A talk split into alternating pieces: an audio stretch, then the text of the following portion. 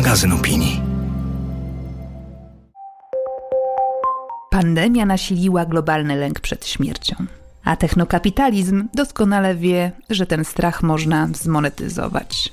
Na razie oferuje nam cyfrowe klony, ale plany są o wiele śmielsze. Skąd ta obsesja Doliny Krzemowej na punkcie walki ze śmiercią? Czy współczesna medycyna znajdzie sposób na radykalne wydłużenie życia?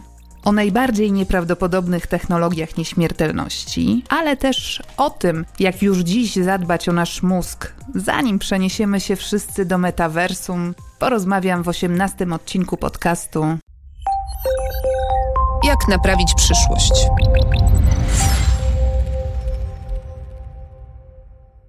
A moimi gośćmi są futurolożka Edyta Sadowska i Marek Jurgowiak z Kolegium Medicum Uniwersytetu Mikołaja Kopernika. Zapraszam.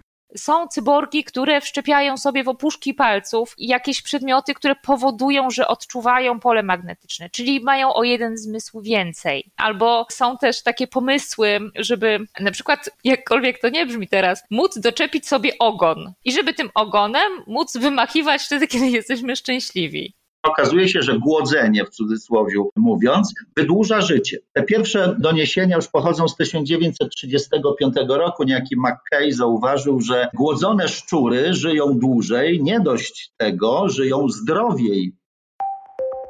Co zrobić, gdy wszyscy trąbią o nieuchronnej katastrofie, o apokalipsie ekologicznej, technologiach, nad którymi przestajemy panować, rosnących nierównościach społecznych, cyberwojnach, populistach, fake newsach? Możesz próbować odciąć się od złych informacji, uprawiać własny ogródek i udawać, że wszystko jest w porządku. Ale możesz też wziąć sprawy w swoje ręce. Naiwność? Być może, ale wolę wierzyć w to, że działania pojedynczych ludzi mają znaczenie. O tym, jak naprawić przyszłość w duchu filozofii DIY, czyli naszego swojskiego zrób to sam, będę rozmawiać z naszymi gośćmi, ekspertami z różnych dziedzin. Postaram się też namówić ich do tego, by weszli w buty futurologów i spróbowali opisać, jak będzie wyglądał interesujący nas wycinek rzeczywistości w 2050 roku. Nazywam się Barbara Sowa i w imieniu magazynu Pismo zapraszam do słuchania podcastu. Jak przewiduje Główny Urząd Statystyczny, w 2035 roku osoby starsze będą stanowiły jedną piątą polskiego społeczeństwa. Nie da się ukryć, że żyjemy coraz dłużej, ale rodzi to mnóstwo problemów i wyzwań, którym dziś nie potrafimy sprostać. I nie mam tu na myśli jedynie niewydolnej służby zdrowia. Co prawda, z powodu pandemii średnia długość życia w krajach rozwiniętych spadła w ostatnim czasie, ale zapewne, no, taką mam przynajmniej nadzieję, wkrótce ten spadkowy trend się odwróci i znów wrócimy na oś wznoszącą.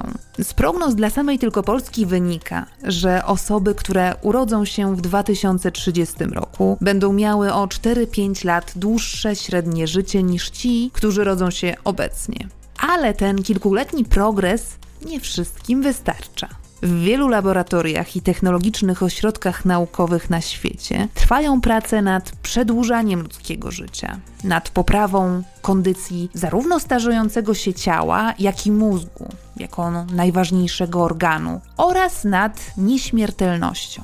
Tak, tak, nie przesłyszeliście się. Mówię o nieśmiertelności, choć jest ona różnie rozumiana i różne ścieżki miałyby do niej prowadzić od zamrażania ciała począwszy do życia wiecznego w wirtualnej rzeczywistości. Oczywiście marzenie o życiu wiecznym, o pokonaniu śmierci towarzyszy nam, ludziom, od wieków. Niemal w każdej kulturze istniały mity czy legendy o eliksirze życia, o fontannie młodości, czy czymkolwiek, co dawałoby obietnicę życia wiecznego. Miał je starożytny Egipt, miała je Babilonia czy Indie, ale stosunkowo od niedawna dyskusje i badania na ten temat prowadzą nie tylko filozofowie czy teologowie, no bo przecież jest to kwestia w dużej mierze podejmowana przez religię, ale inżynierowie, naukowcy, informatycy czy specjaliści od data science. Przygotowując się do tego odcinka i czytając o kolejnych inicjatywach finansowanych przez miliarderów z Doliny Krzemowej, coraz częściej łapałam się na myśli, Wow, ktoś przedawkował z science fiction i wziął na serio wszystko, co zrodziło się w głowach twórców literatury czy filmów fantastyczno-naukowych. Ale przecież na inwestycje w te pomysły, w te badania, laboratoria i testy idą jakieś miliardy całkiem realnej kasy. Raport Bank of America wskazuje, że wartość rynku tak zwanego odraczania śmierci w 2025 roku wyniesie 600 miliardów dolarów. Może więc, tak sobie pomyślałam, warto choć przez chwilę potraktować je całkiem serio i wziąć pod lupę. O technologiach nieśmiertelności, także tej cyfrowej, rozmawiać będę z Edytą Sadowską, futurolożką, ekspertką Fundacji Laboratorium Architektury 60, związaną z Uniwersytetem Pedagogicznym imienia Komisji Edukacji Narodowej w Krakowie. Kiedy ja zaczęłam eksplorować ten temat, to było 3-4 lata temu, to o nieśmiertelności nie było przestrzeni na dyskusję na ten temat.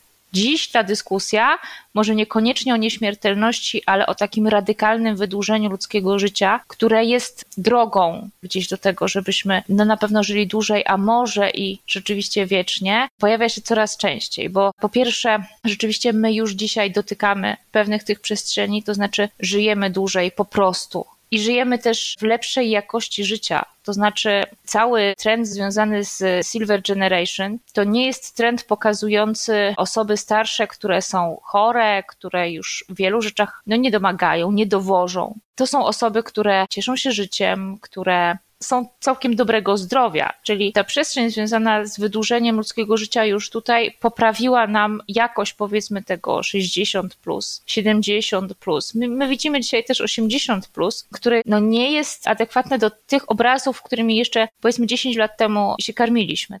Jako najstarszą z technologii nieśmiertelności określa się kryonikę, czyli jedną z technik ochładzania ciał ludzi. Polega ona na zamrażaniu całego ciała albo konkretnych organów, głównie mózgu, w ciekłym azocie w temperaturze minus 196 stopni. Chodzi o to, aby przeczekać w kapsule do czasów, gdy współczesna medycyna na tyle się rozwinie, że będzie potrafiła zaradzić konkretnym chorobom i śmierci. Lub to akurat w przypadku prezerwacji samego mózgu do czasów, w których nauka pozwoli na transfer umysłu. Wtedy nastąpi odmrożenie. Brzmi trochę jak z seks misji.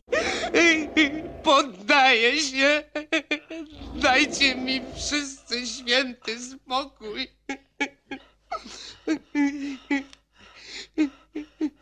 I ty to mówisz? Wstawaj! Nie wstanę! Tak będę leżał! Zostawcie mnie! La la la! La la la la la la la! Nie można tak myśleć. Przecież gdzieś musi istnieć jakiś inny, lepszy świat. Za ojca kryoniki uważa się amerykańskiego fizyka Roberta Ettingera. W latach 60. wydał on książkę, w której dowodził, że śmierć jest tak naprawdę wydarzeniem kulturowym i naukowym, a nie ściśle biologicznym. To on założył Instytut Kryoniki.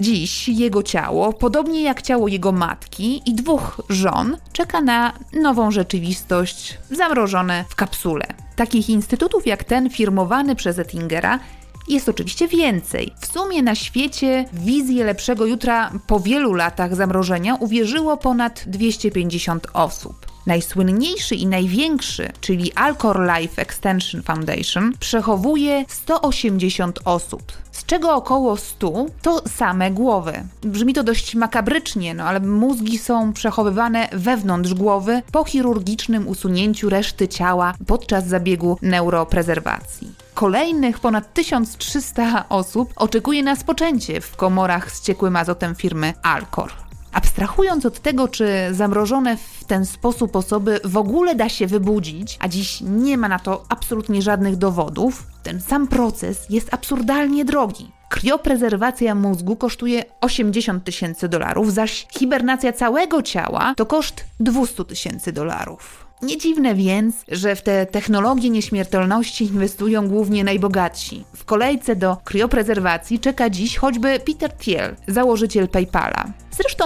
wielu czołowych graczy z Doliny Krzemowej inwestuje astronomiczne sumy szeroko rozumiany przemysł nieśmiertelności. W ostatnich latach można było odnieść wrażenie, że Dolina Krzemowa ma wręcz obsesję na punkcie długowieczności i nieśmiertelności. No bo liczba inicjatyw, terapii, eksperymentów i startupów, które opisywano w mediach działających w tym obszarze, rosła. Osocza od młodych dawców, komórki macierzyste, przeprogramowanie DNA, inżynieria tkankowa, próby drukowania organów, wspomniana krionika czy rozwój sztucznej inteligencji oraz połączeń mózg-maszyna. To tylko niektóre z przykładów.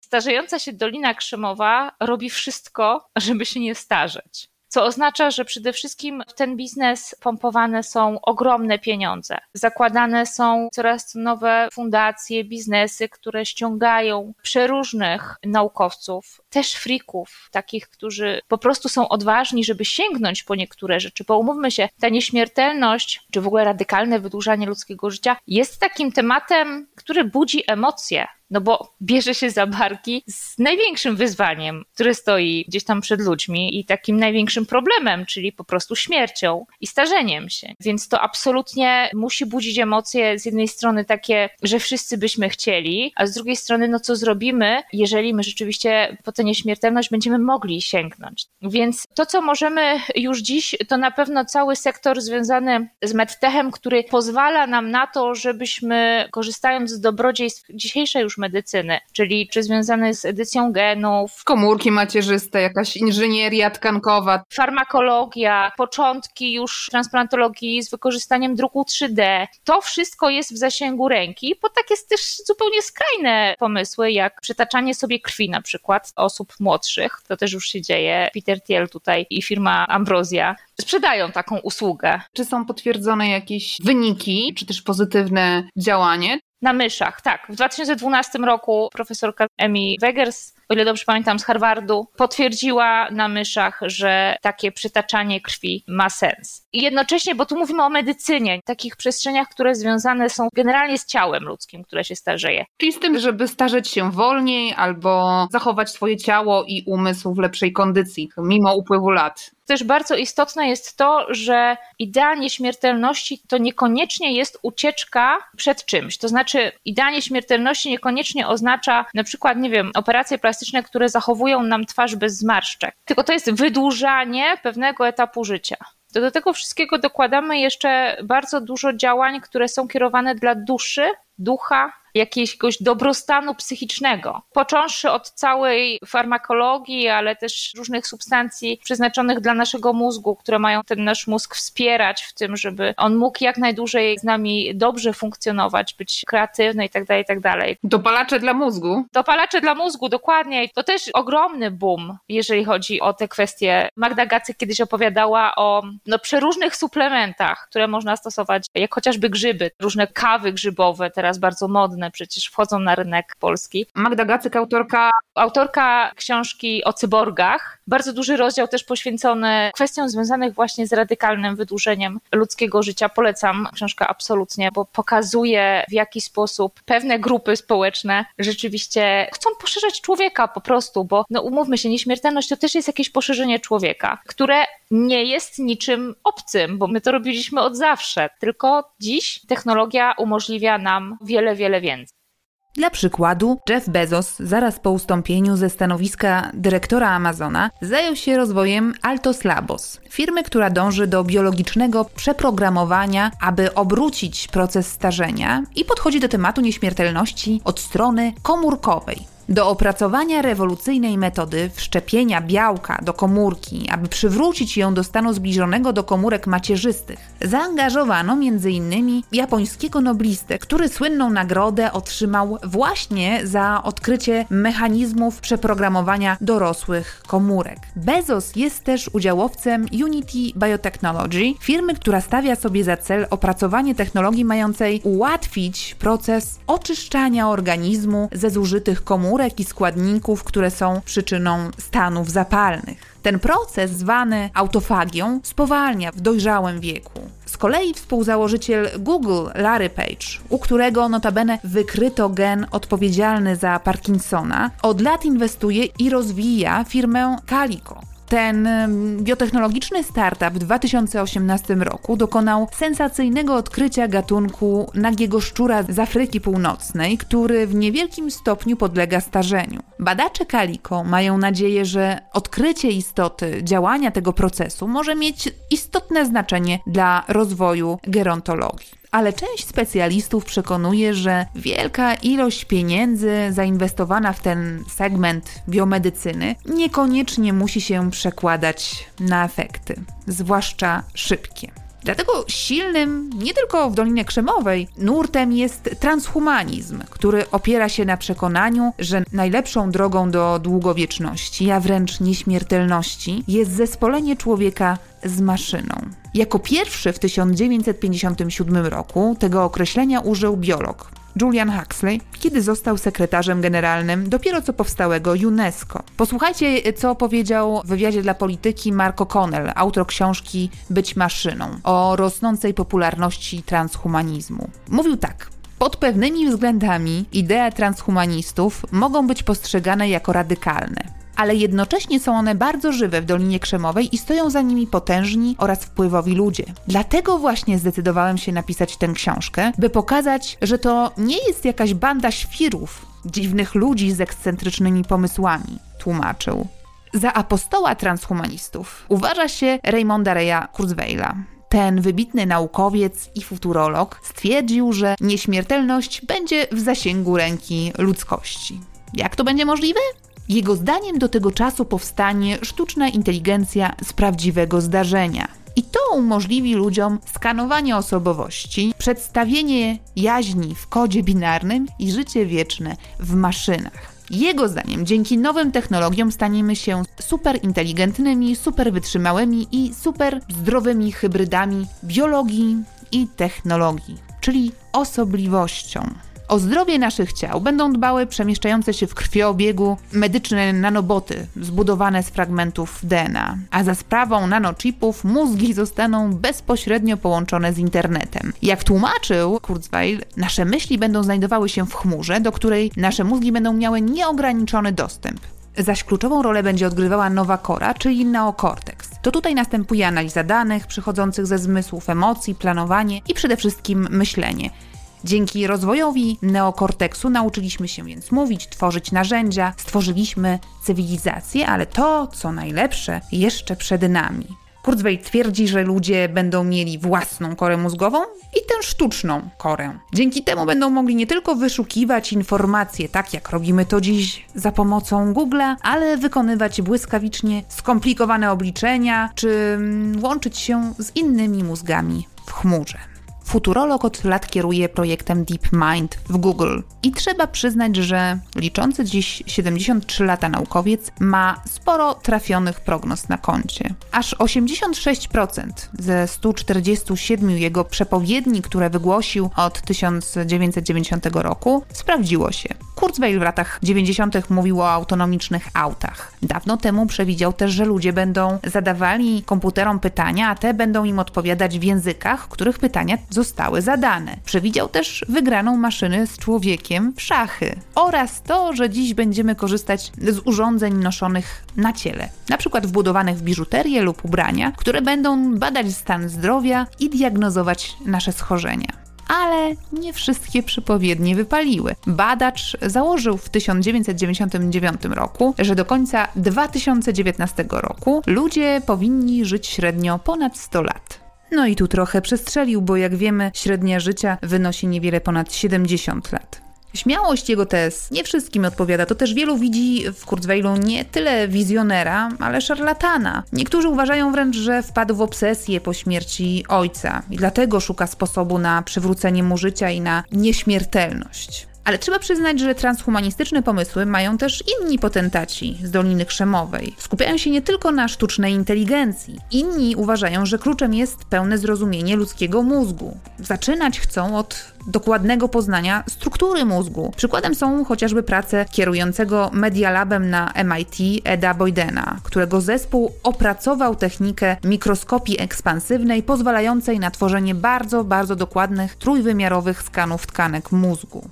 Posłuchajcie, co o tym wszystkim, co o tych scenariuszach, które przywodzą na myśl Ghost in the Shell czy Dzienniki Gwiazdowe, mówi Edyta Sadowska. Nie mamy tutaj jakiegoś dużego pola do popisu na chwilę obecną, bo są to pomysły. Poza tym, że zeskanowaliśmy umysł szczura, no to jeszcze nie przenieśliśmy nic do ciała pozabiologicznego. To to, co jest istotne w nieśmiertelności, że mówiąc o tych kwestiach związanych z przeniesieniem ludzkiej świadomości do, no właśnie, do czego? do krzemu, do czegoś, co nie jest białkiem, a może do innego ciała, które zostało wyprodukowane, wiąże się dla mnie przynajmniej i w moim rozumieniu nieśmiertelności, no wiąże się jednak z jakimś domknięciem wcześniejszym. I to tak jak w religii chrześcijańskiej my musimy umrzeć, żeby móc zmartwychwstać. Bo teraz tak, jest część osób, które uważają, że tą nieśmiertelność osiągniemy, takim przykładem jest Aubrey de Grey, brytyjski biogerontolog, który uważa, że my możemy po prostu zatrzymać proces starzenia się. Czyli my nie musimy umierać, nie musimy zostawiać tego swojego ciała, do którego, no myślę, że każdy z nas jest przywiązany, że możemy po prostu zatrzymać proces starzenia się, że możemy starzenie się uznać za chorobę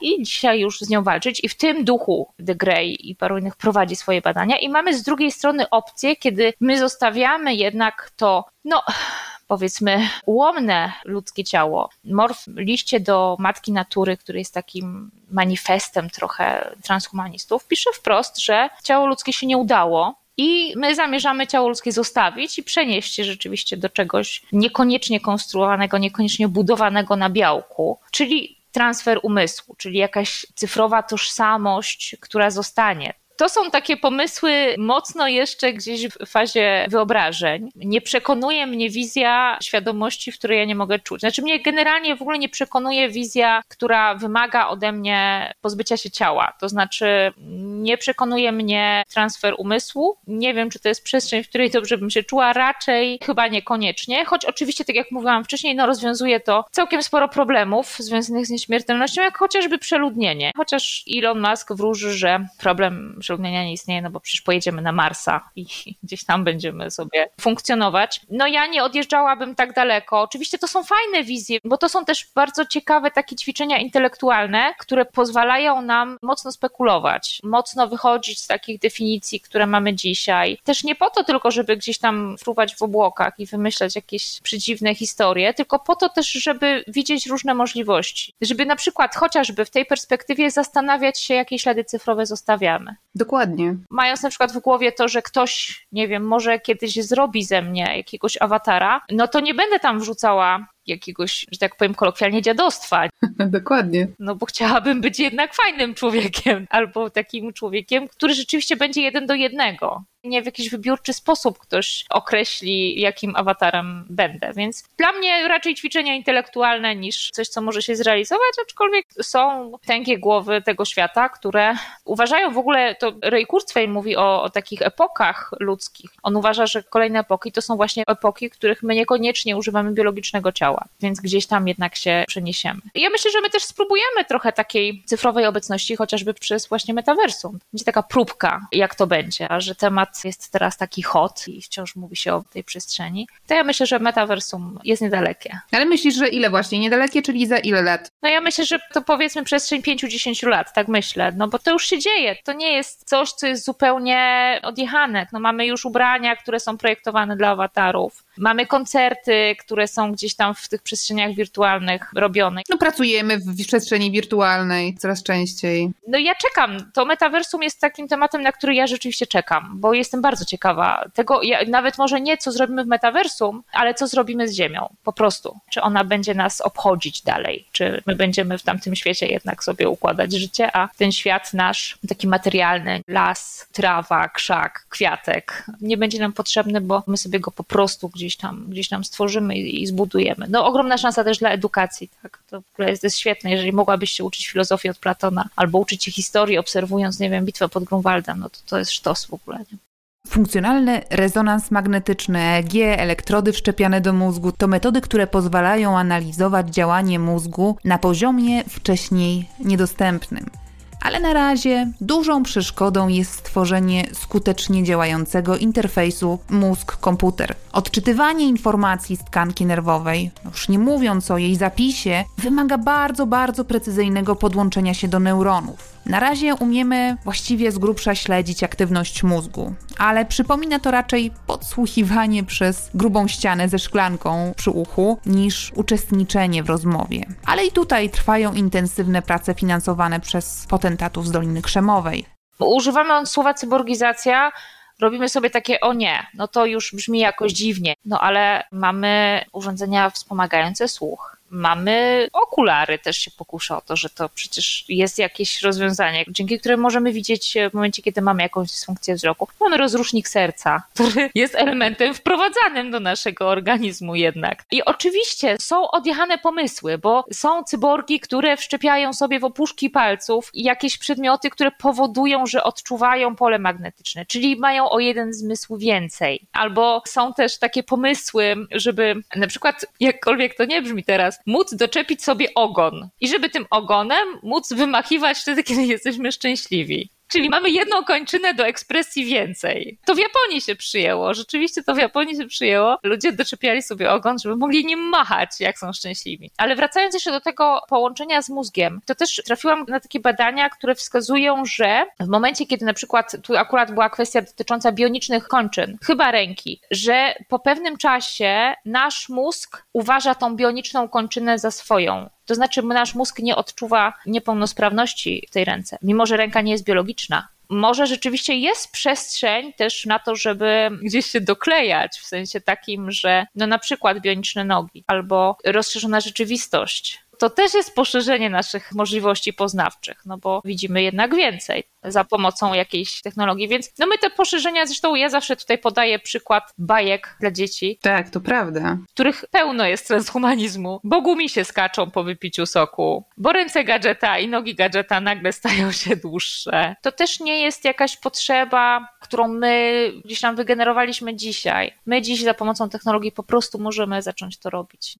Oczywiście realizacja tej wizji cyborga nad człowieka, którego nie mają się ani choroby, ani śmierć, może zająć jeszcze wiele, wiele dziesięcioleci. Metody potrzebne do osiągnięcia tego celu opierają się na dotychczas niezrealizowanych obietnicach inżynierii genetycznej, nanotechnologii i wielu, wielu innych nauk.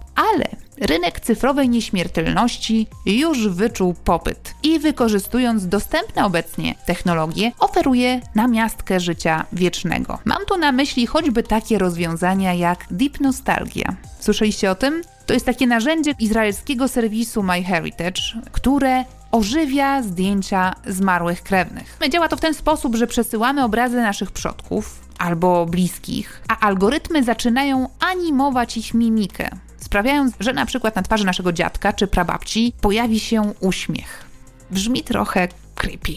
Ale na tym nie koniec. W oparciu o coraz większą ilość danych, jakie zostawiamy w sieci i jakie w ogóle gromadzimy, mówię o cyfrowych danych, czyli zdjęć, wpisów w serwisach społecznościowych, nagrań, możemy też tworzyć chatboty, czyli takie wirtualne klony prawdziwych osób.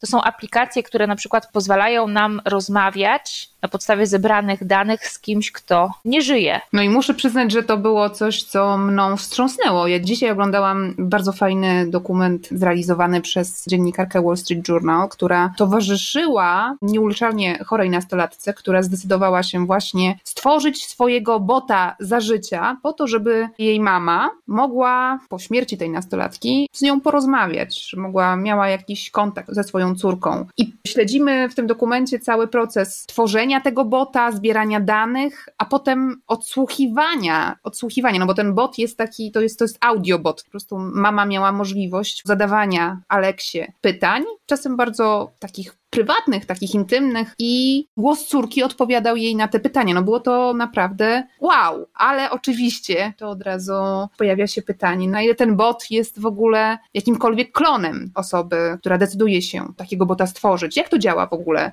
Dajemy generalnie dużą dawkę informacji. No jeżeli nam się udaje, to też próbkę głosu, to wtedy rozmawiamy z kimś, słysząc jego głos, bo on za pomocą przetwarzania jest generowany przez technologię. Mało tego, my nie tylko możemy dać głos, ale no są takie pomysły, żeby drukować awatar, znaczy drukować, żeby powstał taki awatar, żebyśmy mogli z tym, no właśnie, no i pytanie, no człowiekiem, nie człowiekiem, świadomością gdzieś później rozmawiać. To w ogóle był taki pomysł, który powstał on miał gdzieś tam z założenia pomagać w przejściu traumy, jaką jest śmierć bliskiej osoby. Czy pomaga? Nie do końca jestem przekonana, wydłuża na pewno ten okres, kiedy my się nie chcemy żegnać. Jest taki odcinek Czarnego Lustra, który polecam, pod tytułem Zaraz wracam. I tam w tym odcinku ginie w wypadku samochodowym mąż głównej bohaterki i ona rzeczywiście w tej fali rozpaczy zamawia sobie taki program, który wgrywa wszystkie dane, które ma na komputerze. Omówmy się, tych śladów cyfrowych zostaje po nas całkiem sporo. Nawet jeżeli gdzieś tam za życia nie przygotowujemy sobie takiej kopii zapasowej, którą przekażemy potomności do tego, żeby mogła sobie na tej podstawie zrobić awatara. I rzeczywiście później ta historia, nie będę tutaj opowiadać całego odcinka, ale ta historia no jest taka trochę creepy,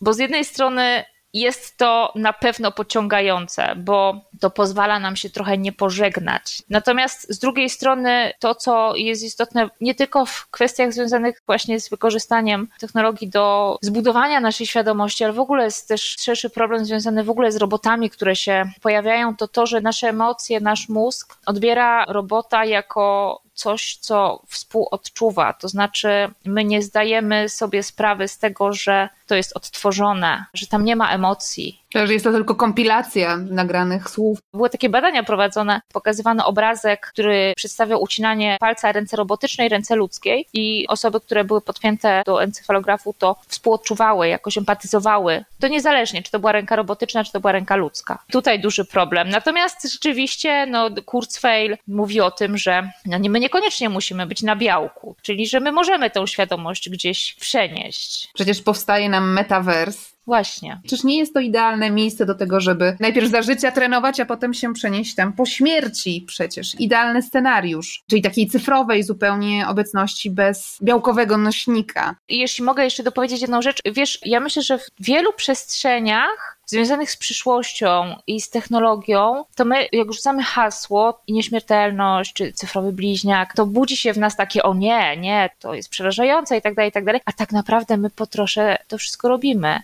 Każdy z nas gdzieś tam nie chce umierać, robi wszystko, żeby żyć dłużej. To jest raz, czyli do tej nieśmiertelności gdzieś tam każdy dąży, czy tłumaczy sobie chociażby w jakiś sposób religijny ten świat, który ma dalej trwać. Tak samo w kwestii tych cyfrowych awatarów, czy tam cyfrowych bliźniaków, bliźniaków. My już dzisiaj trochę tworzymy cyfrowe tożsamości. Chcąc, nie chcąc, publikując tak wiele informacji w sieci, tak wiele rzeczy prywatnych udostępniając, jak najbardziej to robimy. Wręcz myślę, że takim potwierdzeniem na to, co mówisz, jest fakt, że jak przygotowywałam się do naszej rozmowy i sprawdzałam, to tych firm, które oferują tworzenie czegoś w rodzaju bota, czyli taką cyfrową nieśmiertelność nieśmiertelność w cudzysłowie oczywiście, jest bardzo wiele. No wręcz ja mam takie wrażenie, że powstał cały przemysł związany z naszą taką pośmiertną aktywnością. Myślisz, że ten popyt na nieśmiertelność on będzie wzrastał? Czy pandemia na przykład, nie wiem, mogła się tutaj przyczynić jeszcze do rozwoju tego sektora? Wiesz, ja myślę, że popyt na nieśmiertelność był zawsze. Tak, tylko narzędzia są dużo inne. Narzędzia są dużo inne.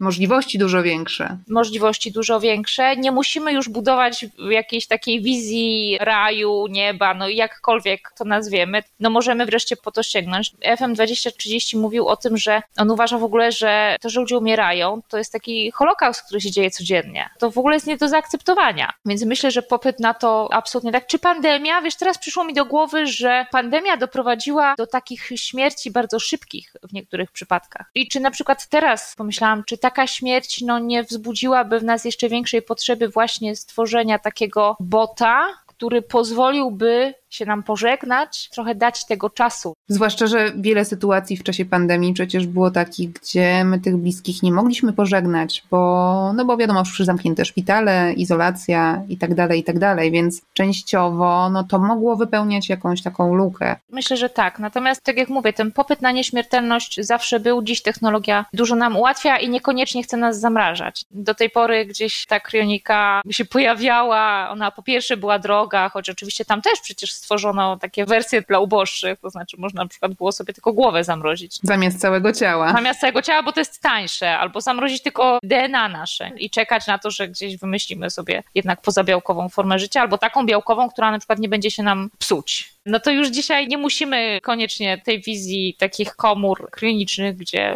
lewitują nasze ciała w czymś, co jest niekoniecznie przyjemnym środowiskiem. Nie musimy już w tych przestrzeniach szukać tej nieśmiertelności. Możemy szukać i farmakologii, i rzeczywiście w zupełnie innym modelu medtechu, to znaczy, że my zaczynamy dbać o zdrowie, ale nie wtedy, kiedy ono nam się zepsuje. Czyli te wszystkie kwestie związane chociażby z inżynierią genetyczną, które pozwalają nam wcześniej wiedzieć. No oczywiście jest duża niewiadoma, bo teraz tak, no jeżeli my będziemy żyć dłużej, powiedzmy, no załóżmy sobie tą setkę, bo ona jest osiągalna, to może pojawią się jakieś nowe choroby, których my jeszcze nie znamy, więc tutaj też absolutnie dużo wyzwań, no i dużo wyzwań też dla nas w takim kontekście w ogóle definiowania naszego życia na nowo, bo mimo, że co roku życzymy sobie i swoim bliskim 100 lat, to jednak 100 lat wymaga dosyć konkretnej i gruntownej redefinicji wielu obszarów naszego życia, więc tutaj też takie wyzwanie społeczne przede wszystkim. A czy myślisz, że twoja starość, nasza starość, moja starość będzie lepsza niż starość naszych na przykład rodziców dzięki właśnie tym technologiom? Pytam też dlatego, bo jesteśmy w konkretnej rzeczywistości, to znaczy, że mieszkamy w Polsce, w takim no, średnio zamożnym kraju europejskim. Na ile nas będzie stać w ogóle, żeby skorzystać z tych różnych dobrodziejstw? No bo powiedzmy, że w ciągu najbliższych dwóch, trzech dekad kolejne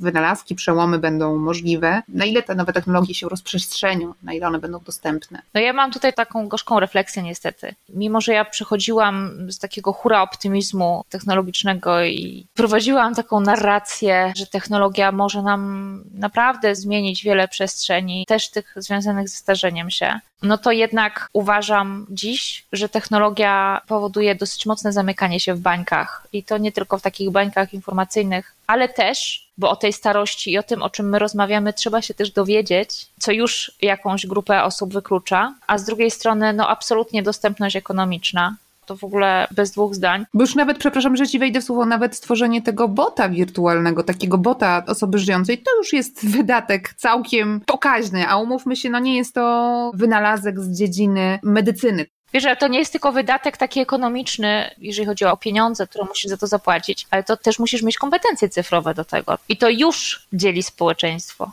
to, co ja widzę i co bardzo mnie smuci, i ja nieraz zastanawiam się nad tym, co można byłoby w tej przestrzeni zrobić, to to jest ogromna polaryzacja, którą wprowadzamy albo którą wprowadza technologia, bo ja coraz częściej mam wrażenie, że my żyjemy już dziś w dwóch światach i że te światy są równoległe i one niespecjalnie mają gdzie się spotkać. Podam Ci taki przykład gdzieś tam z mojego funkcjonowania, czyli no jestem futurolożką, rozmawiam o tematach przyszłości, czyli chociażby ten ostatni hot temat, przerabiany na miliard kawałków metaversum i z drugiej strony na przykład pracuję jako coach w projekcie, który ma aktywizować osoby długotrwale pozostające bez pracy i tutaj nie ma punktu styku. Rozumiesz, ci ludzie są wykluczeni z technologii, ci ludzie nie mają kompetencji cyfrowych. No i teraz takie metaversum, które powstanie, to już jest podział społeczny. Na chwilę obecną ja nie widzę rozwiązania, żeby można było to zmienić. I nieśmiertelność dla mnie, to zresztą też Ola Przegalińska nagrała taki podcast, taki materiał wideo o nieśmiertelności i ona też nam powiedziała, że nieśmiertelność ma rację bytu tylko wtedy, kiedy tak jak jesteśmy dzisiaj równi wobec śmierci, to tak samo będziemy równi wobec możliwości życia dłużej albo w ogóle gdzieś tam wiecznie. Natomiast dla mnie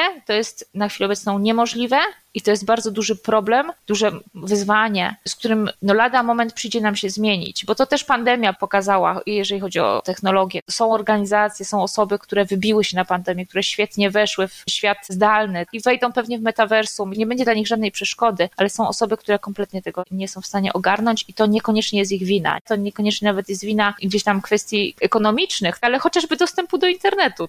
Najwyższa pora, by w tym odcinku wyjść ze świata metaversum do naszej rzeczywistości i zastanowić się, jakie realne sposoby przedłużania życia i zdrowia, nie tylko naszego ciała, ale przede wszystkim umysłu, mamy dziś do dyspozycji. O tym, jak starzeje się nasz mózg, jak o niego zadbać, żeby starzał się jak najwolniej, rozmawiam z doktorem Markiem Jurgowiakiem z Katedry Biochemii Klinicznej Collegium Medicum Uniwersytetu Mikołaja Kopernika, który od wielu lat popularyzuje nauki biomedyczne na Toruńskim Festiwalu Nauki i Sztuki. Zapytałam go o wspomnianego już w tym odcinku o Brede Greya, słynnego bioinformatyka i gerontologa, który znany jest z dość charakterystycznej, niesfornej, długiej brody. Obrede Grey twierdzi, że pierwsza osoba, która dożyje tysiąca lat, jest już wśród nas. Co pan na to? Podziela pan tę dość odważną prognozę?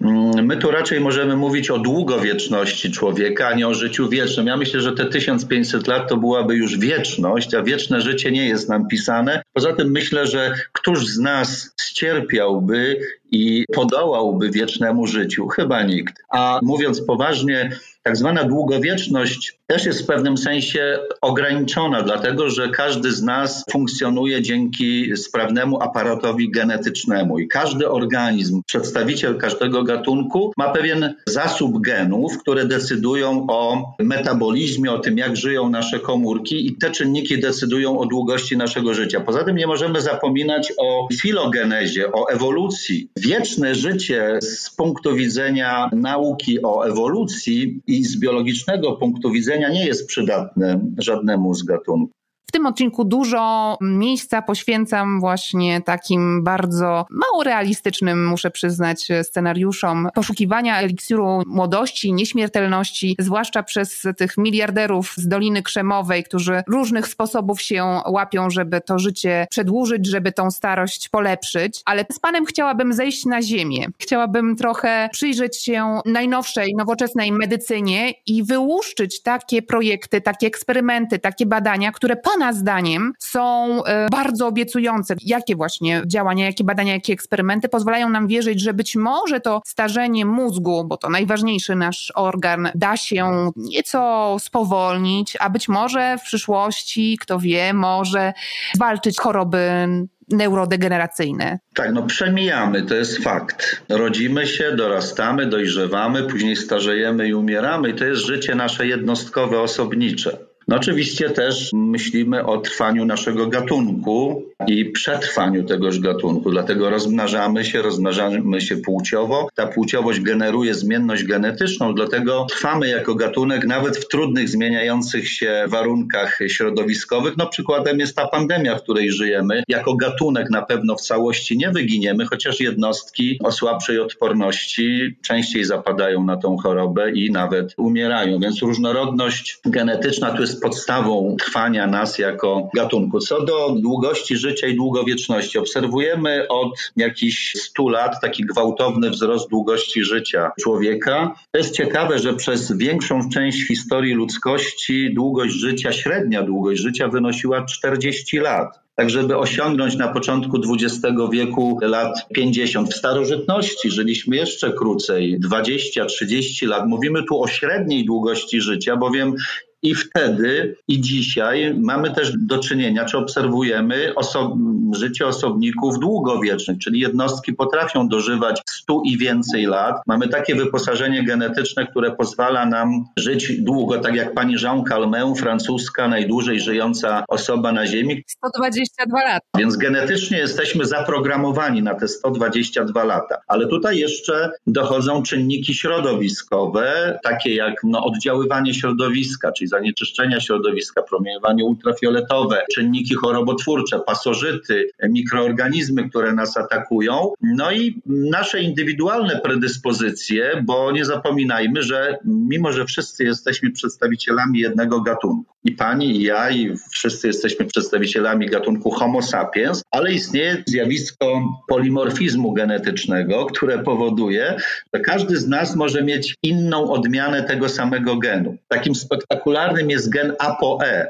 On występuje w kilku odmianach ApoE2, ApoE3 i ApoE4. Koduje białko o nazwie apolipoproteina E, a to białko uczestniczy, no mówiąc tak bardziej ogólnie, w metabolizmie cholesterolu. Okazuje się, że kiedy zbadano polskich stulatków w takim projekcie słynnym Polstu badawczym, to okazało się, że w tej grupie osób stuletnich nie ma nosicieli allelu ApoE4. Okazuje się, że nosiciel takiego genu jest bardziej predystynowany do hipercholesterolemii, a więc chorób sercowo-naczyniowych i choroby Alzheimera choroby, która toczy nasz mózg. A więc najlepiej jest mieć wersję ApoE2, troszkę gorzej ApoE3 i wtedy mamy większą szansę na zdrową starość, ale też dłuższe życie, a więc czynnik genetyczny też jest tutaj bardzo istotny. Ale to długie nasze życie to nie jest tylko sprawa zaprogramowana genetycznie, prawda? No tak. Są też inne czynniki, które mają wpływ na to, jaką kondycję ma nasze ciało, nasz mózg, najważniejszy organ, prawda?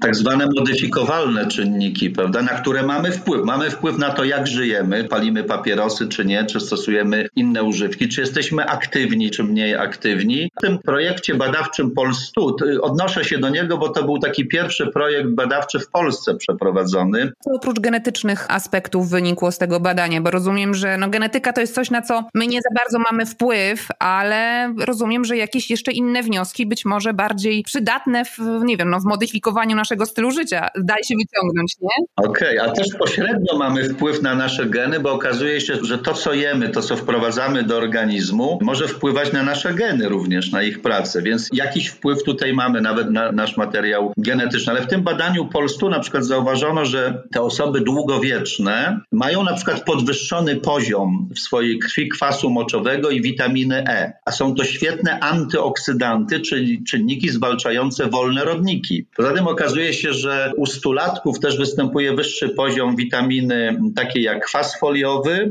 czy B12 i niższy poziom homocysteiny, takiego czynnika, który jest takim wskaźnikiem zagrożenia chociażby miażdżycą. A więc prawdopodobnie w grę wchodzą też nawyki żywieniowe, czyli odpowiednia dieta, która powoduje, że na przykład utrzymujemy w organizmie odpowiedni poziom witamin, takich właśnie antyoksydacyjnych, antyutleniających. Jak przygotowywałam się do tego odcinka i czytałam czytałam o różnych futurologach, eksperymentatorach, którzy badają temat długowieczności, nieśmiertelności albo mówią o tym, że zaraz wkrótce będziemy mogli uploadować swój mózg do chmury. No to na przykład czytałam o Kurzweilu, takim słynnym futurologu, który to, oprócz tego, że właśnie głosi bardzo różne ciekawe teorie, to codziennie zjada około 100 tabletek różnych, bardzo różnych. Czy być może jest jakiś taki zestaw, to nie wiem, no dzisiaj moglibyśmy powiedzieć, chociażby bazując na tych badaniach stulatków, zestaw witamin, makroelementów, które warto przyjmować, czy ta witamina B12, czy to jest właśnie kwas foliowy, żeby mieć takie przekonanie, ok, może w ten sposób pomagam sobie. No, w ogóle ciekawa sfera do rozważań, dlatego że tak, no, starzenie badamy bardzo intensywnie od jakichś kilkudziesięciu lat. Proszę sobie wyobrazić, że prawdziwa biogerontologia, czyli nauka zajmująca się starzeniem, to jest datowana tak od lat 60. tak naprawdę XX wieku. Wcześniej ludzie nie uznawali za stosowne badania starości. No cóż ciekawego może być w starości? Lepiej badać to, jak się rozwijamy, albo dyskutować o tym, czym jest piękno, a nie brzydota starości, prawda? Więc starością się słabo zajmowano. Dlaczego się zaczęliśmy zajmować starzeniem, starością? Dlatego, że zaczęliśmy żyć coraz dłużej i po prostu zaistniała potrzeba badania tego zjawiska, ponieważ też ujawniły się, zaczęły się ujawniać coraz częściej choroby związane z wiekiem podeszłym i starzeniem. Tu wspomniana choroba Alzheimera. I teraz to suplementowanie, to dbanie o swoją długowieczność poprzez no, stosowanie jakichś czynników farmakologicznych. To jest rzecz ciekawa, bowiem istnieje dzisiaj kilkadziesiąt teorii wyjaśniających, dlaczego i jak się starzejemy. Każda z tych teorii cząstkowo wyjaśnia problem, bo od razu pani powiem, że nie istnieje ani pojedynczy gen, ani żaden program genetyczny, który sterowałby naszym starzeniem. To jako ciekawostkę może powiem, że o ile naszą biografię na wczesnych etapach rozwoju możemy przeczytać nawet w podręczniku embriologii, bo jako tworzymy sobie książkę o naszym rozwoju embrionalnym, to od zapłodnionej komórki jajowej aż po nasze urodzenie możemy przeczytać całą naszą historię. Wszyscy mamy taką samą biografię przed urodzeniem, to jest rozwój embrionalny, zarodkowy i płodowy. Natomiast nie ma czegoś takiego w odniesieniu do starzenia. Każdy z nas się starzuje w innym tempie, inaczej, albo jest to obarczone chorobami, albo nie. I tutaj rozróżniamy nawet takie dwie ścieżki starzenia. Starzenie pomyślne i starzenie niepomyślne. To niepomyślne jest obarczone licznymi chorobami. A zatem nie ma jakiegoś programu starzenia. On istnieje w odniesieniu do pojedynczych komórek. To jest apoptoza, ale to jest zupełnie inne zagadnienie. Takiej apoptozy w skali makro się nie obserwuje. I a propos tych teorii starzeniowych, one wyjaśniają starzenie na różnych poziomach i według przebiegu różnych mechanizmów tego procesu. I na przykład jedna z teorii, tak zwana wolnorodnikowa, mówi, że starzejemy się, ponieważ tlen, którym oddychamy, czy dajny tlen, jest źródłem wolnych rodników tlenowych, rodnik hydroksylowy chociażby. I te rodniki powstające z tlenu uszkadzają nasze geny, nasz DNA, uszkadzają białka, uszkadzają lipidy. Jest to jedna z przyczyn starzenia się dysfunkcji i starzenia się komórek. I teraz, jeśli słuchamy się w tą teorię i zaczniemy stosować w naszym życiu suplementy i pokarmy, które są bogate w antyoksydanty, czyli będziemy zwalczać te wolne rodniki, to potencjalnie będziemy opóźniać procesy starzenia, bo będziemy walczyć z jednym z czynników prowokujących starzenie. I teraz, jeżeli mamy się szprycować różnymi środkami farmakologicznymi, no to tylko poprzez pryzmat wiedzy o mechanizmach starzenia. Czyli antyoksydanty, ok, są świetne w takiej prewencji czy profilaktyce przeciwstarzeniowej, ale nauka, bo pytała Pani o różne projekty, bada te zjawiska na różnych poziomach i na przykład próbujemy doszukiwać się tego, czy jakieś środki farmakologiczne mogą spowalniać starzenie. No i na przykład mamy resveratrol, polifenol obecny w winogronach chociażby, więc picie wina, jedzenie winogron tutaj sprzyja długowieczności, spowalnia procesy starzeniowe. Słyszałam, że kawa spowalnia procesy starzeniowe. Kawa, w której znajdują się też polifenole, czynniki antyoksydacyjne. Badania są bardzo poważne, które pokazują, że picie 3 do 5 filiżanek kawy wydłuża życie człowieka i ogranicza możliwość śmierci. Wino, kawa, całkiem niezła dieta nam z tego się tworzy.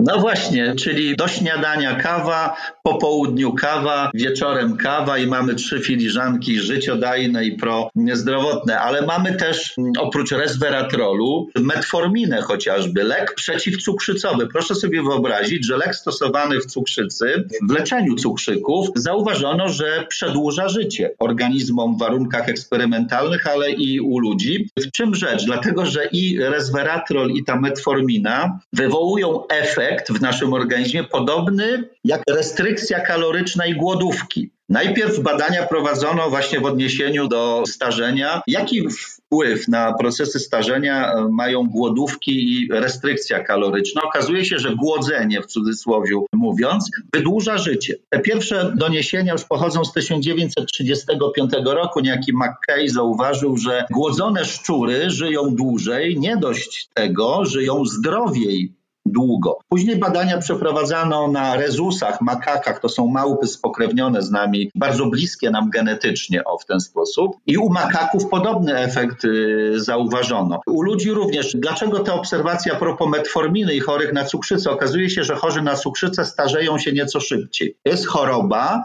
której towarzyszy przyspieszone starzenie. Metformina odwraca te skutki starzenia. Prawdopodobnie mamy już pewne środki farmakologiczne, którymi będziemy mogli spowalniać starzenie, natomiast no, nigdy nie odwrócimy tego procesu całkowicie, tak żebyśmy ową długowieczność mogli, albo y, długowieczność, nieśmiertelność, żebyśmy mogli uzyskać, bo długowieczność owszem. Mówi Pan o pewnych środkach, do środków jeszcze wrócimy, ale ja się zastanawiam, na ile my możemy dzisiaj, korzystając z dostępnych technik, badań, sprawdzić. Powiedzmy, no jestem sobie 20, 30, 40-letnią osobą, która chce sprawdzić, jakie ryzyka ją czekają w wieku, no właśnie, lat 80, na przykład pod kątem Alzheimera. Czy to dziś można, no właśnie, czy można się przygotować, można się zbadać i przewidzieć, ok, jestem w grupie wysokiego ryzyka, więc może powinnam włączyć tę suplementację, zdrową dietę, te głodówki, żeby w przyszłości uchronić się przed chorobą Alzheimera albo no, mieć zdrowszy mózg? No, świetne pytanie. W ogóle od razu muszę powiedzieć, że obecnie medycyna w coraz większym stopniu stała się medycyną prewencyjną.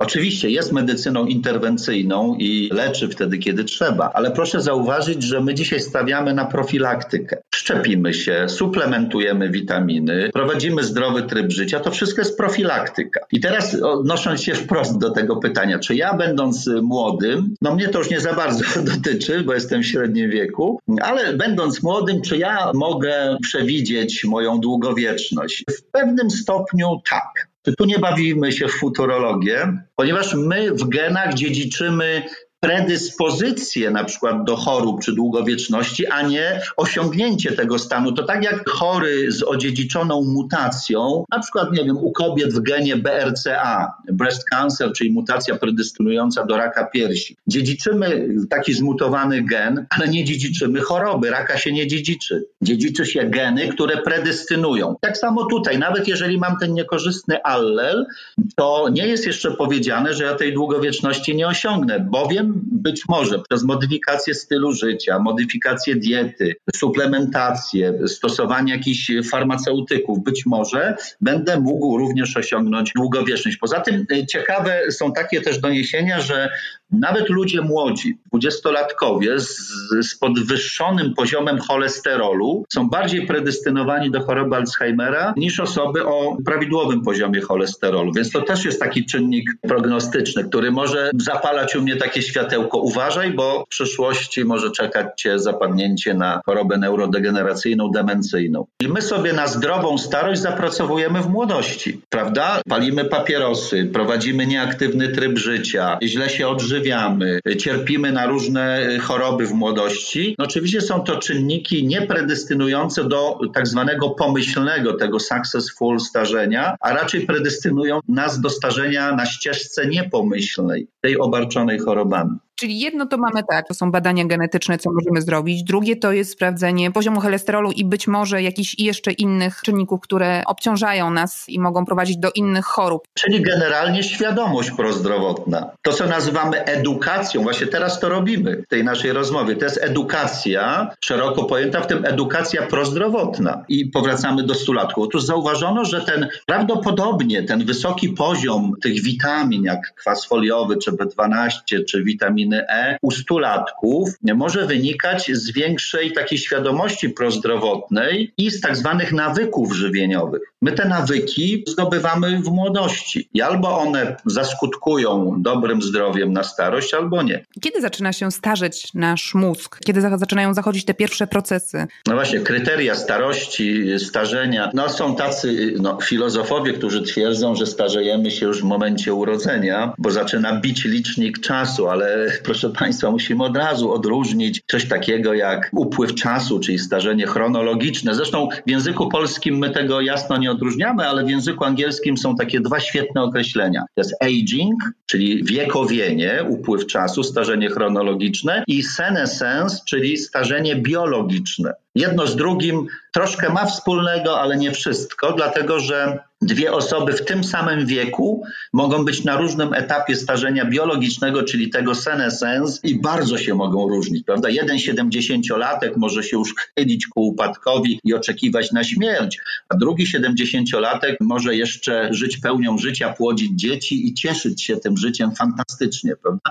Dlatego doszukujemy się i naukowe badania zmierzają do tego, żeby rozszyfrować zagadkę starzenia na poziomie procesów komórkowych. Jeżeli już wiemy, że starzenie to nie jest realizacja genetycznego programu starzenia, no to co jest przyczyną starzenia? Ano zaburzenie w procesach, które stanowią o życiu. To jest taki paradoks w biologii, to jest tak pięknie nazywane grzechem pierworodnym. Czyli te same procesy, które podtrzymują życie, paradoksalnie je niszczą. No, tlen, którym oddychamy, po przekształceniu w rodniki tlenowe staje się trucizną. Procesy podtrzymujące życie paradoksalnie to życie, długość tego życia limitują, prawda? Więc no nie ma tu jakiegoś złotego środka, panaceum. Pewnie nigdy nie osiągniemy takiego absolutu, czyli takiego poziomu wiedzy, który pozwoli nam do końca zrozumieć te zjawiska i osiągnąć to, co pani nazwała na początku naszej rozmowy nieśmiertelnością. Więc raczej mówmy o długowieczności. Tak, a kończąc odpowiedź na poprzednie pytanie, bo zdałem sobie sprawę, że nie do końca skończyłem. Mianowicie od kiedy ta starość się zaczyna? No dzisiaj medycyna uznaje 65 rok życia jako początek starości, czyli do 65 jesteśmy ludźmi w średnim wieku, Po przekroczeniu 65 wchodzimy w okres bycia osobą w wieku podeszłym. A proszę powiedzieć, ale już na poziomie komórkowym, czy my już mamy jakieś dokonania albo jakieś, jakąś wiedzę na temat tego, jak na poziomie komórkowym ten proces starzenia spowolnić, zatrzymać, odwrócić? W momencie, kiedy komórka jajowa zostaje zapłodniona i pojawia się zygota, potem zarodek, płód i tak dalej, rozwijamy się, później dorastamy, kształtuje się organizm dojrzały, no cały czas w organizmie kumulują się błędy, te błędy są naprawiane, ale dochodzi do takiego momentu, kiedy mechanizmy naprawcze nie są już na tyle sprawne i wydolne, żeby wszystkie błędy korygować, naprawiać. Najprawdopodobniej jesteśmy najsprawniejsi do momentu osiągnięcia dojrzałości płciowej i pełnej aktywności rozrodczej rozrodczej. Kiedy osiągamy pełną aktywność rozrodczą, w najlepszej kondycji, w najlepszym wigorze, a wtedy też mamy najlepiej pobudzane ośrodki nagrody i przyjemności w mózgu. To jest oksytocynę, wazopresynę, dopaminę, fenyloetyloaminę, całą tą chemię, która zalewa nasz mózg, kiedy jesteśmy szczęśliwi. Wydajemy na świat potomstwo, rozmnażamy się i potem nasz organizm jest już w mniejszym stopniu chroniony. Słabnie odporność immunologiczna, redukowana jest grasica chociażby, która degeneruje po osiągnięciu dojrzałości płciowej. Spada wydolność naszego organizmu. Proszę sobie wyobrazić, że od 35 roku życia, no przecież wtedy czujemy się młodzi, bardzo aktywnie zaczynają umierać komórki w naszym mózgu. Degeneracja mózgu zaczyna się w 35 roku życia. Pewne zmiany już nawet obserwowane są w 20 roku życia. Wspominał Pan o tym, że jest ta starość pomyślna i niepomyślna. Jak odróżnić? Starzenie pomyślne to jest starzenie nieobarczone chorobami, czyli osiągam wiek 80 lat, 90, potem 100 i nie cierpię na przypadłości wieku podeszłego. Natomiast starzenie niepomyślne jest obarczone tymi schorzeniami. Wiadomo, że nie predystynuje do długowieczności. Pytam konkretnie o to starzenie się naszego mózgu, bo o ile łatwiej nam e, oczywiście gdzieś zauważyć starzenie ciała czy też organu, a z tym starzeniem się mózgu to nie do końca zawsze działa, też nie zawsze bliscy potrafią to zauważyć. Właśnie jakie tutaj są te czynniki, te symptomy? My obserwujemy starzejące się ciało, prawda? Zapominamy o tym, że po zadziałaniu sprawnych rąk chirurga plastycznego pod odmłodzoną o kilkadziesiąt lat skórą ciągle tkwi to samo starzejące się ciało wszystkie komórki, w tym mózg. A o mózgu zapominamy najbardziej, to znaczy mózg sam o sobie zapomina, bo to on wszystko analizuje, bada. W tej chwili naszą rozmową też kierują nasze mózgi i ten mózg zapomina o sobie. Chyba my zawsze naj, najbardziej zapominamy o sobie, chociaż w strategii przetrwania każdego gatunku jest ta samopomoc sobie i dążność do przetrwania jednostki, ale w naturze ludzkiej jest też dążność do takiego prospołecznego działania i altruizmu. I wracając do mózgu, pewne symptomy pozwalają nam zauważyć, że coś coś się dzieje. Zaczynamy zapominać, zapominamy poznawać pewne rzeczy,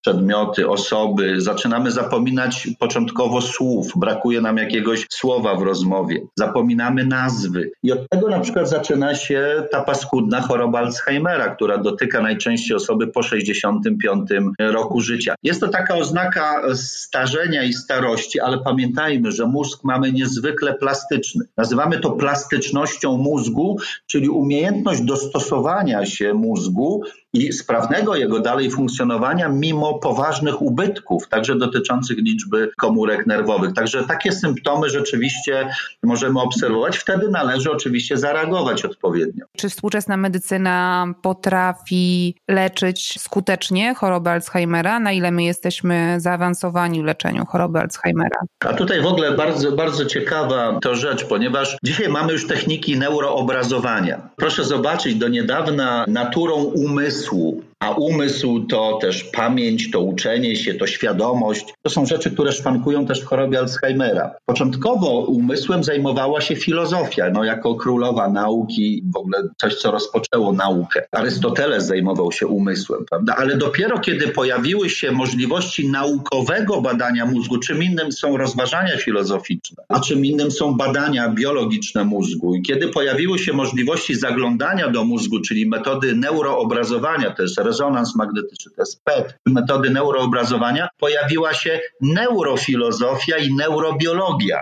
Czyli zajrzeliśmy do naszych mózgów i dzięki tym metodom obrazowania my nawet przyżyciowo, czyli u zdrowych pacjentów, możemy obserwować zmiany, jakie zachodzą w mózgu. Wcześniej takie zmiany obserwowano w badaniach pośmiertnych, w badaniach postmortem, na przykład Alois Alzheimer, od którego nazwiska wywodzi się nazwa choroby. Na początku XX wieku, 1906 rok, on po prostu badał mózgi osób, które umierały. Po prostu kroił na plasterki mózgi, obserwował je pod mikroskopem i zauważył odkładanie się w mózgu płytek amyloidowych. No dzisiaj wiemy, że jest to taki pierwszy czynnik sprawczy rozwoju choroby Alzheimera. Czyli dzisiaj na szczęście już mamy możliwości zaglądania do naszych mózgów. Mimo tego i tak jeszcze zbyt mało rozumiemy, zbyt mało wiemy o naszym mózgu. To jest ta część wszechświata, chyba najmniej poznana jeszcze aktualnie. To akurat brzmi mało optymistycznie, bo to jednak najważniejszy nasz organ. Tak, ale dzięki tym badaniom my już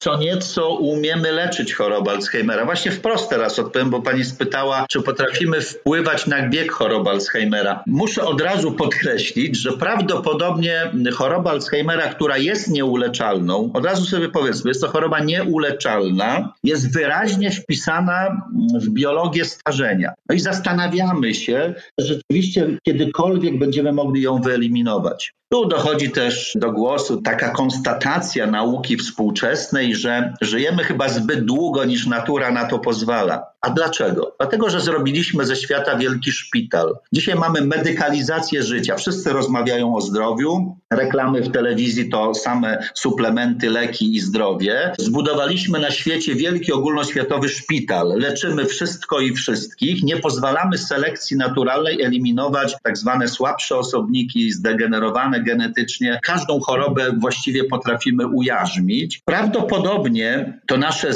w cudzysłowie zbyt długie życie, bo już przekraczamy tą granicę 100 lat wyraźnie, powoduje, że odżywa to tak zwane cmentarzysko genów, genów, które wcześniej nie miały okazji ujawnić się, a teraz przy tym naszym długim życiu one dochodzą do głosu. W starzeniu obserwujemy takie zmiany, w normalnym, zdrowym starzeniu obserwujemy takie zmiany jak w chorobie Alzheimera. Na przykład płytki amyloidowe są typowe dla starzejącego mózgu, ale w chorobie Alzheimera ich odkładanie jest znacząco nasilone. Być może gdybyśmy żyli wszyscy krócej do tej sześćdziesiątki, jak kiedyś siedemdziesiątki, nie dożywalibyśmy wieku, w którym choroba Alzheimera dochodziłaby do głosu. Ale mamy już takie leki, które pozwalają nam łagodzić objawy choroby. Ja powiedziałem, że jest to choroba nieuleczalna, ale dzisiaj mamy zarejestrowane leki, także w Polsce, które pozwalają łagodzić skutki choroby, stabilizować objawy choroby przez spowalnianie rozwoju, łagodzenie objawów zaburzeń funkcji poznawczych, bo funkcje poznawcze w największym stopniu tracimy właśnie w przebiegu choroby Alzheimera. Poprzez zapobieganie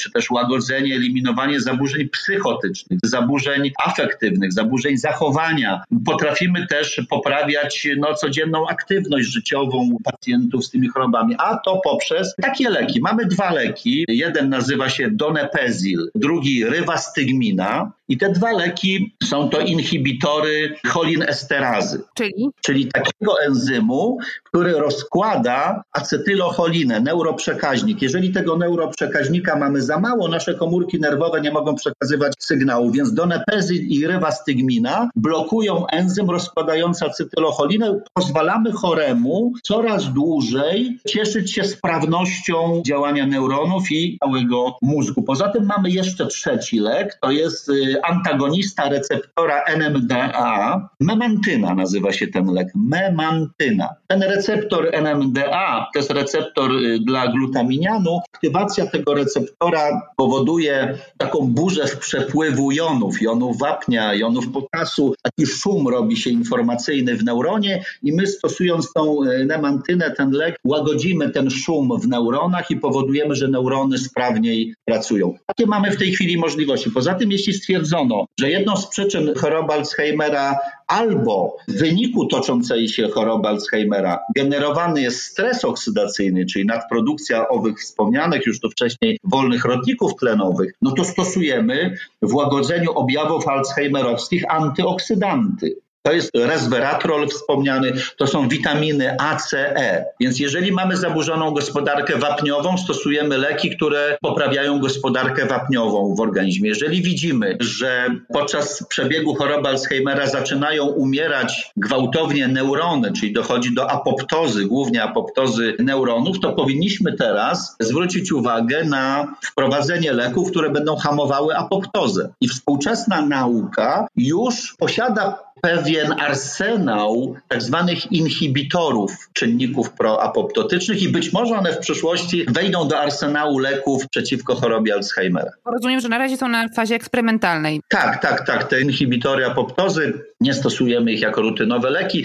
Te trzy leki wspomniane tu wcześniej są zalecane, zarejestrowane w Polsce i stosowane. Czy ważne jest w leczeniu Alzheimera, znaczy im wcześniej dowiemy się, że okej, okay, no coś się dzieje złego, zacznijmy suplementować, zacznijmy leczyć. Czy to jest istotne? Oj, zdecydowanie. No tak jak w każdej chorobie, tak zwane wczesne rozpoznanie. Ileż się mówi, że wczesne rozpoznanie nowotworu pozwala na jego skuteczniejsze leczenie. I tu jest podobnie. Nie ma dzisiaj takiej skutecznej diagnostyki, a problem jest bardzo poważny. Ja przytoczę tylko kilka liczb. Proszę Państwa, dzisiaj na świecie prawdopodobnie 50 milionów ludzi cierpi z powodu chorób demencyjnych, a choroba Alzheimera wpisuje się w te choroby demencyjne. Na samą chorobę Alzheimera prawdopodobnie ponad 30 milionów ludzi choruje.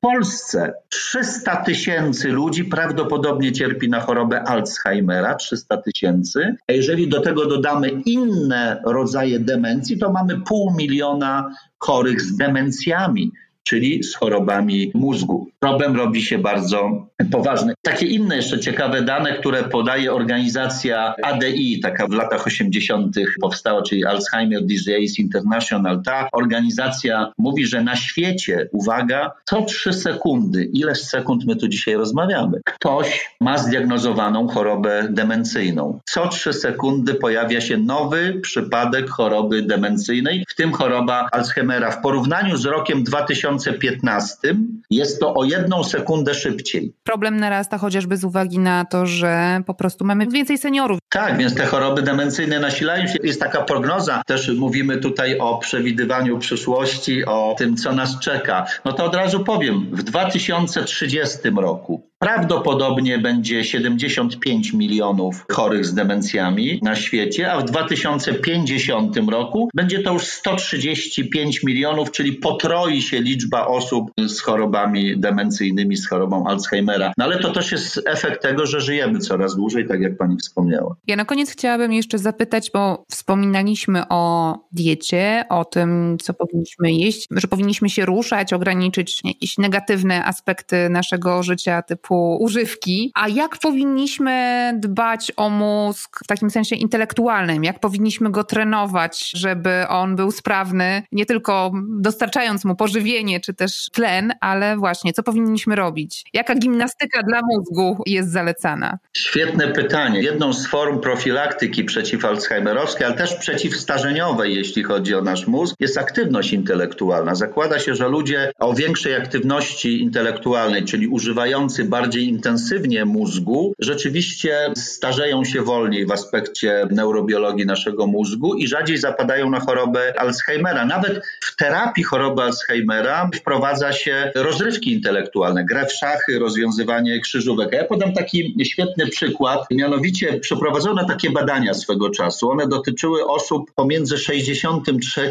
a 91 rokiem życia, czyli już taki wiek zaawansowany, 61-93 lata lata i ta grupa osób starszych uczyła się języka niemieckiego przez trzy miesiące. Tylko trzy miesiące. I proszę sobie wyobrazić, że ponad połowa tej grupy Ponad połowa tej grupy zdała egzamin z języka niemieckiego na poziomie, który dzieci w wieku szkolnym osiągają po dwóch latach nauki a te osoby uczyły się trzy miesiące. Bardzo ciekawy wynik, ale pokazujący, że ćwiczenia intelektualne nawet w takim starszym wieku są możliwe. One bardzo usprawniają nasze mózgi. No swego czasu też takie badanie przeprowadzono w jednej z, z grup zakonnic. Otóż pewnej grupie tych kobiet polecono przepisywanie codziennie tekstu odręczne. Rzadko kto już dzisiaj pisze odręcznie. I te kobiety przepisywały odręcznie zadane teksty i okazało się, że ta grupa, która pracowała intelektualnie, przepisując te teksty, wykazywała lepsze wyniki w testach pamięci, miała lepsze wyniki, jeśli chodzi o sprawne działanie mózgu i też rzadziej cierpiała na różne przypadłości neurodegeneracyjne, czyli trenowanie mózgu. A to wynika z tego, że w trakcie, kiedy się uczymy, w trakcie, kiedy nawet gramy w gry jakieś wideo komputerowe, kiedy słuchamy muzyki, oglądamy filmów, nasze mózgi produkują większą ilość neuroprzekaźników, synapsy przekazują większą ilość informacji. Mało tego, proszę sobie wyobrazić, że w naszych mózgach pojawia się większa ilość połączeń synaptycznych, czyli intensywna praca mózgu rozbudowuje sieć neuronalną, ale w tym aspekcie rozrostu połączeń synaptycznych pomiędzy komórkami. My obserwujemy, że na starość, kiedy mózg degeneruje, spada liczba tych połączeń synaptycznych. Ta sieć neuronalna jest ograniczana coraz bardziej, czyli aktywność intelektualna na pewno ma olbrzymi wpływ na plastyczność mózgu, zdolność przystosowania, a jednocześnie wydłuża naszą sprawność intelektualną, nawet w późnym wieku. Mnie bardzo interesuje, jak pan dba o swój mózg, bo pan tu jest ekspertem. Proszę zdradzić jakąś swoją receptę. Jak dbam, no chociażby poprzez takie działania jak teraz, czyli poprzez takie rozmowy. Prowadzimy na przykład bardzo intensywnie na naszej uczelni tak zwaną medyczną środę, kiedy my, pracownicy, społeczeństwu, tutaj naszej populacji bydgoskiej i toruńskiej, oferujemy wykłady z zakresu nauk biologicznych. No więc samo uczestnictwo w tych wykładach i w przypadku słuchaczy i nas prowadzących już jest taką potyczką intelektualną i takim wyzwaniem, który powoduje, że nasze mózgi intensywnie pracują. Poza tym tryb życia, aktywność ruchowa. Proszę, niech wszyscy uaktywnią się. Nie trzeba być sportowcem i z tą buteleczką mineralną, nie trzeba biegać w koło bloku czy koło osiedla. Wystarczy wyjść na powolny, spokojny spacer i przejść się kilometr, pół kilometra, wrócić do domu. Siedzenie na kanapie nie sprzyja długowieczności, ale zwykły spacer już tak. Odpowiednia dieta, to znaczy dieta o nieco mniejszej kaloryczności, tak zwana restrykcja kaloryczna udowodniono naukowo przedłuża życie. Staram się wstawać od stołu nieprzejedzony, to znaczy zjadam posiłek i wstając miałbym jeszcze na coś ochotę, najczęściej na jakiś deser. Czasem sobie na niego pozwalam, czasem nie, ale takie niedojadanie w cudzysłowie, restrykcja kaloryczna, wystarczy o 15% obniżyć kaloryczność posiłków, żeby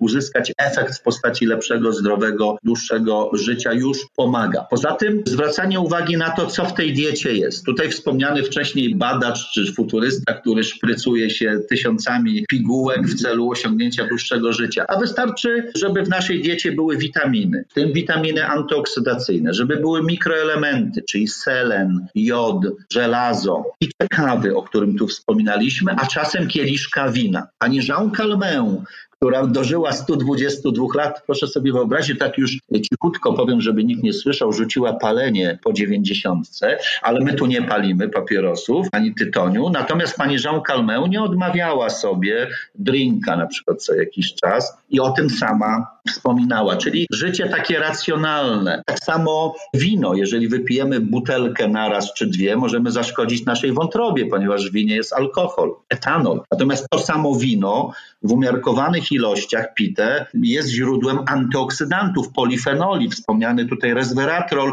który przedłuża nam życie, więc to są takie wskazówki, których mogę udzielić teraz. Stosuję je, no i profilaktyka. Obecnie oczywiście szczepienie się, dbanie o właściwą dietę, aktywność ruchowa, to wszystko spowoduje, że możemy lepiej spoglądać w naszą przyszłość. Bardzo, bardzo dziękuję za rozmowę. Nie pozostaje nam nic innego, jak po prostu pożegnać się i iść na spacer.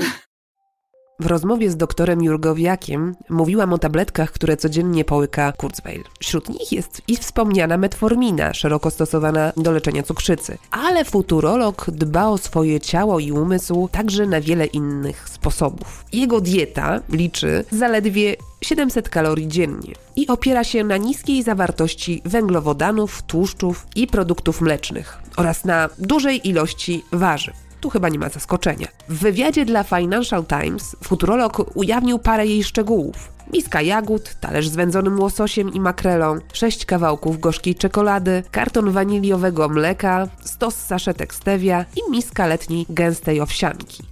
Poza tym kakao, bo działa przeciwzapalnie oraz bardzo ciemna czekolada z odrobiną espresso. Mięsa nie ma tu prawie wcale, za to jest dużo zielonej herbaty i wody o określonej wartości pH. Oczywiście wszystko w odpowiednich proporcjach. Poza tym codziennie stosuje m.in. krem przeciwutleniający i dba o kondycję fizyczną. Brzmi jak całkiem sensowny plan, tylko z tą dietą 700 kalorii mogłoby być ciężko. Dorzuciłabym do tego jeszcze jeden bardzo ciekawy postulat. Elkonon Goldberg, autor książki Jak umysł rośnie w siłę, gdy mózg się starzeje, przekonuje, że świetnym narzędziem do trenowania umysłu jest też sztuka obcowanie ze sztuką albo jej tworzenie. Neuronaukowiec pisze, że pod przyjemną, zachęcającą przykrywką kryje się potężne narzędzie biologicznego i poznawczego samorozwoju. Jego zdaniem funkcją sztuki w społeczeństwie jest właśnie dostarczanie ćwiczeń dla umysłu i zmysłów oraz pośrednio wzmacnianie pracy mózgu w taki uniwersalny, nieograniczony i co ważne, niepowiązany z konkretnym, praktycznym zadaniem sposób. Obcowanie ze sztuką albo zajęcia artystyczne porównuje do sportowego hobby. Nie robimy tego z obowiązku ani dla pieniędzy, lecz dla przyjemności, która, jak się okazuje, ma całkiem realne przełożenie na naszą kondycję umysłową. Albowiem z mózgiem jest jak z mięśniem. Nieużywane wiotczeje i odwrotnie, możemy zwiększać jego żywotność ćwicząc go. Następnym razem, gdy zaczniecie słuchać Mozarta albo gdy wybierzecie się do muzeum, pomyślcie o tym jako gimnastyce dla mózgu. Będzie jeszcze przyjemniej. Dziękuję, że wysłuchaliście tego odcinka i zapraszam Was za miesiąc. Do usłyszenia, trzymajcie się ciepło. Jak naprawić przyszłość?